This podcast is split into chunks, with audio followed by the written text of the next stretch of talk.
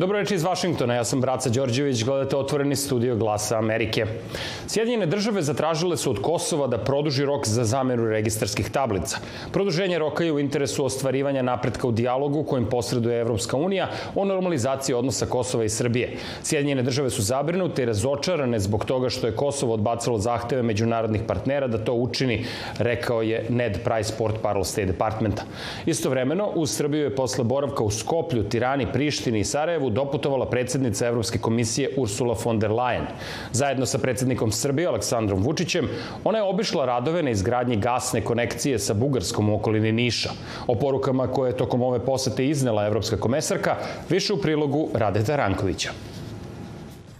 U okviru balkanske turneje predsjednica Evropske komisije Ursula von der Leyen posetila je Srbiju i danas je u okolini Niša zajedno sa predsjednikom Aleksandrom Vučićem obišla radove na izgradnji gasne interkonekcije prema Bugarskoj, čija se gradnja najvećim delom finansira sredstvima Evropske investicione banke. Uz poruku da su u ovom trenutku svi jednako pogođeni energetskom krizom, ona je najavila 165 miliona evra direktne budžetske pomoći Srbiji i pozvala Beograd da se priključi Uniji u nabavci gasa kako bi zajednički postigli što bolju cenu. Po njenim rečima važno je diverzifikovati izvore gasa jer prevelika fokusiranost na Rusiju nije dobra. Ursula von der Leyen je rekla i da će EU ostati najveći politički i ekonomski partner Srbiji, da je Srbija jedna od zemalja koja je najviše napredovala ka EU, kao i da je budućnost Srbije u Uniji. Ona je rekla i da će sa Vučićem imati bilateralni sastanak, kao i da je njena velika želja da vidi napredak u dijalogu između Srbije i Kosova.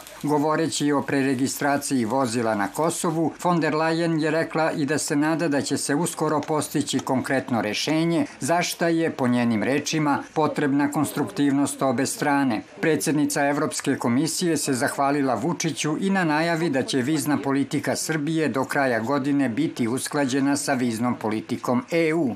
But also important is the alignment. Ali važno je i usklađivanje sa našom zajedničkom bezbednostnom i spoljnom politikom. Dakle, ovo ide ruku pod ruku jer ulazak u Evropsku uniju na samom kraju znači deljenje istih vrednosti, isti pravac u geopolitičkim odlukama, a samim tim i snažno usklađivanje sa našom zajedničkom spoljnom i bezbednostnom politikom. I želimo da računamo na vas, na Srbiju kao pouzdanog partnera, jer je važno da zajedno branimo naše zajedničke vrednosti i zajedničke principe.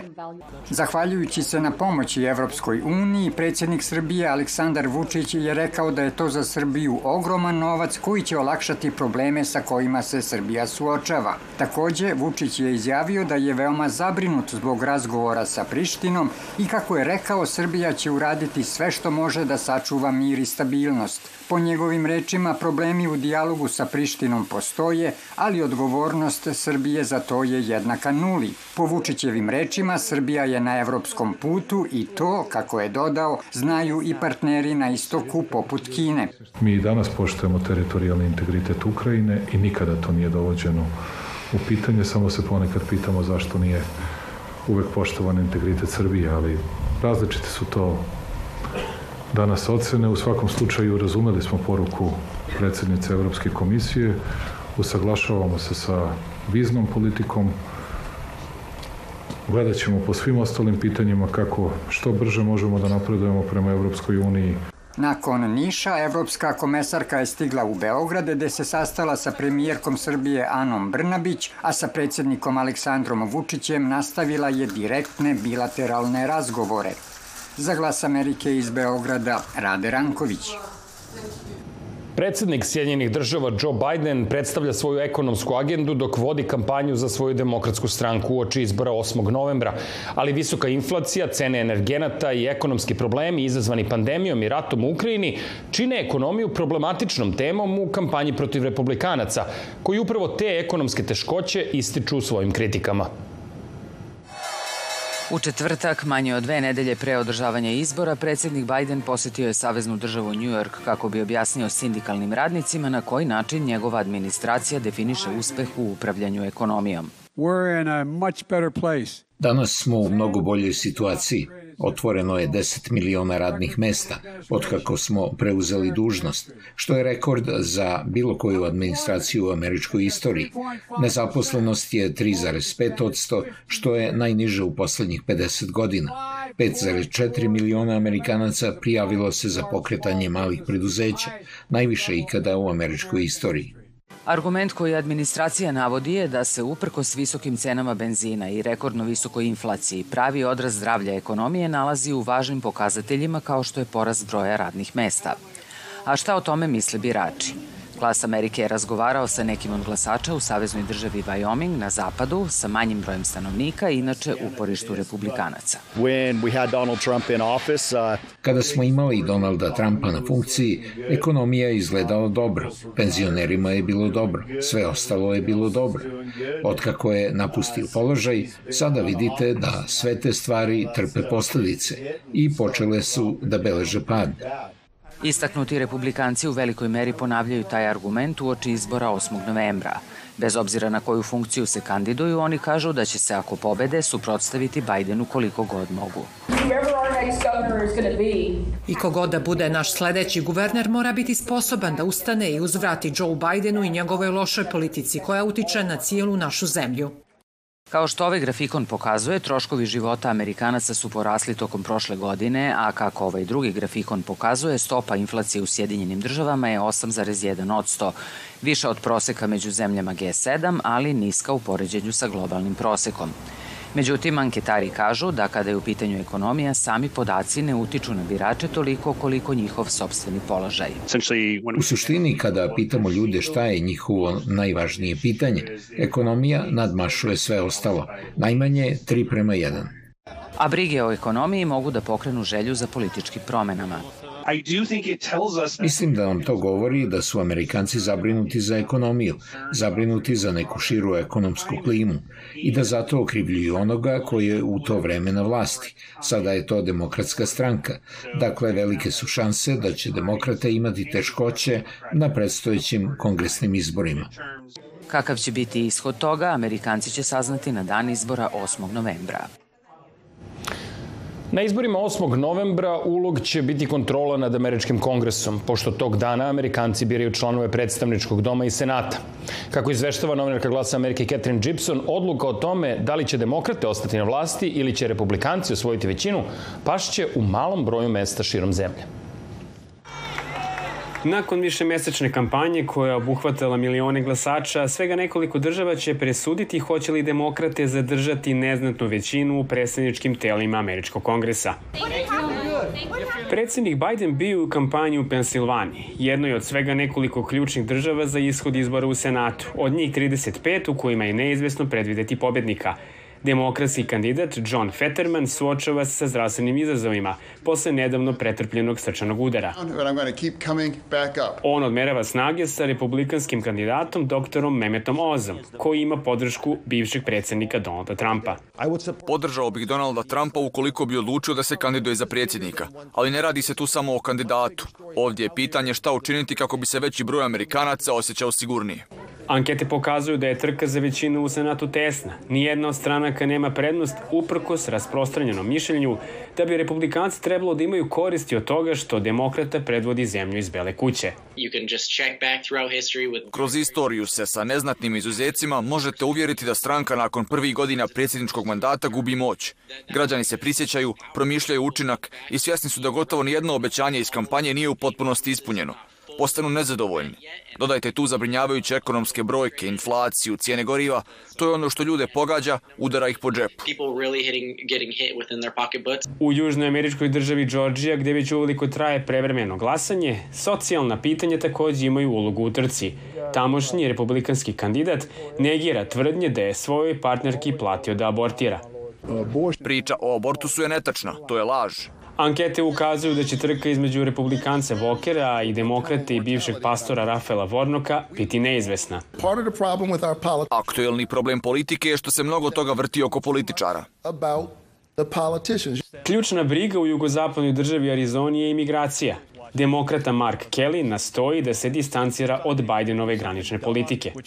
Čvrsto sam se zalagao za pograničnu bezbjednost. Suprostavio sam se demokratama kada su pravili greške u vezi sa tim, uključujući tu i predsjednika. Njegov republikanski protivnik Blake Masters kao i brojni kandidati širom zemlje koje podržava Trump nastavlja da tvrdi da je prevara obeležila predsjedničke izbore 2020. iako su sudovi odbacili brojne tužbe podnete u vezi sa tim. Nije isključeno da bi predsjednik Trump sada bio u Bijeloj kući, da tehnologija, mediji i FBI nisu odigrali ulogu kako bi tamo ugurali Joe Bidena. Građani biraju i 435 članova predsjedničkog doma. Demokrate trenutno imaju osam predstavnika više u donjem domu Američkog kongresa. Mogućnost da Rusija izvrši nuklearni napad na Ukrajinu, ali i šire, izazvala je napetost kod dela američke javnosti. Neki amerikanci stoga odlaze na internet kako bi videli potencijalne implikacije svega toga. Iako je zabrinutost evidentna, eksperti kažu da panika, bar u ovom trenutku, nije opravdana. Prilog Veronike Balderas Iglesias. Ona ih opisuje strašnim, ali prijetnje da će Rusija možda upotrijebiti nuklearno oružje u Ukrajini nisu dio razgovora Johne Wilson sa prijateljima. No, we're probably talking about our Spotify playlists if we're not in Ne, ako nismo na nastavi, verovatno razgovaramo o našim Spotify playlistama, ali čini mi se da je osjećaj zabrinutosti malo veći kod generacije naših baka i deka i roditelja koje su odrastale u doba hladnog rata. Čini se da su takve stare brige ponovo prisutne. Prema anketi Američkog udruženja psihologa, većina ispitanih navodi da se plaše da je riječ o početnim fazama Trećeg svjetskog rata. Back in March of 2022, U martu 69% Amerikanaca se izjasnilo da su pod stresom jer bi napad na Ukrajinu mogao da dovede do nuklearnog rata. Nije tačno jasno o kakvom se osjećaju pretnje radi. Da li pojedinci zaista smatraju da će problemi doći do američkih obala ili se to jednostavno odnosi na katastrofalne promene u svetu. Potencijalne posljedice nuklearnog udara, uključujući broj umrlih i kontaminaciju, danas lako mogu biti vizualizirane jednim klikom na internetu, odabirom bombe na mapi i detonacijom. The traffic in the Broj poseta sajtu Nuke Map najviši u proteklih 10 godina. Imate mnogo ljudi u Sjedinjenim državama i posebno u Evropi koji pokušavaju da saznaju kako bi korišćenje nuklearnog oružja moglo da izgleda. Hipotetički rezultati su zabrinjavajući, ali strahovi da će ruski predsjednik Vladimir Putin realizovati svoje nuklearne prijetnje su prenapuhani, kaže ovaj ekspert za nuklearno oružje. Ne mislim da bi istovremeno mobilisao hiljade trupa uz ogroman trošak za rusku ekonomiju i koristio nuklearno naoružanje. Bilo bi ili jedno ili drugo. Veliki politički i ekonomski troškovi, kao dodatak na vojne troškove koji bi nastali u Rusiji kada bi to uradila, čine da bilo kakva ruska upotreba nuklearnog oružja od Rusije u ovom trenutku deluje kao veoma udeljena mogućnost. Melvin Hardy bio je kustos izložbe crteži djece iz Hirošime u muzeju Philips kolekcije u Vašingtonu. Japanska djeca koja su preživjela pravila su crteže dvije godine nakon detonacije atomske bombe.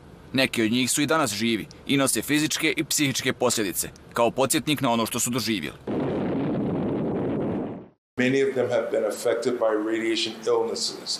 Different Mnogi od njih su bili izloženi radijaciji, bolestima, različitim vrstama raka sa kojima su se morali boriti. Mnogi nikada nisu želeli da razgovaraju sa nama, nisu želeli ponovo da proživljavaju taj horor. Drugi su pak postali zagovarači da se atomske bombe više nikada ne koriste. Ipak, takvo naoružanje neće nestati. Moskva je ove sedmice počela godišnje vežbe na kojima je pokazala svoj nuklearni arsenal. Sjedinjene države i NATO saveznici prate te vježbe sa velikom pažnjom. Poštovani gledalci, to bi bilo sve što smo vam pripremili za večeras u ovoj poslednjoj emisiji Otvorenog studija, TV programa koji je počeo da se emituje pre više od 25 godina. Želimo da vam se zahvalimo što ste svih ovih godina bili sa nama. Otvoreni studio je prošao kroz brojne transformacije i dok prestajemo sa emitovanjem televizijskog programa, ostajemo prisutni na drugim platformama. Naše i priloge naših dopisnika iz Srbije, Crne Gore i sa Kosova i dalje ćete moći da gledate i čitate na našoj internet stranici glasamerike.net kao i na društvenim mrežama na Facebooku, Twitteru, Instagramu i YouTubeu. Još jednom, hvala vam na poverenju tokom ovih više od četvrt veka. Ja sam Braca Đorđević iz studija 51 Glasa Amerike u Vašingtonu. Želim vam prijetno veče i laku noć.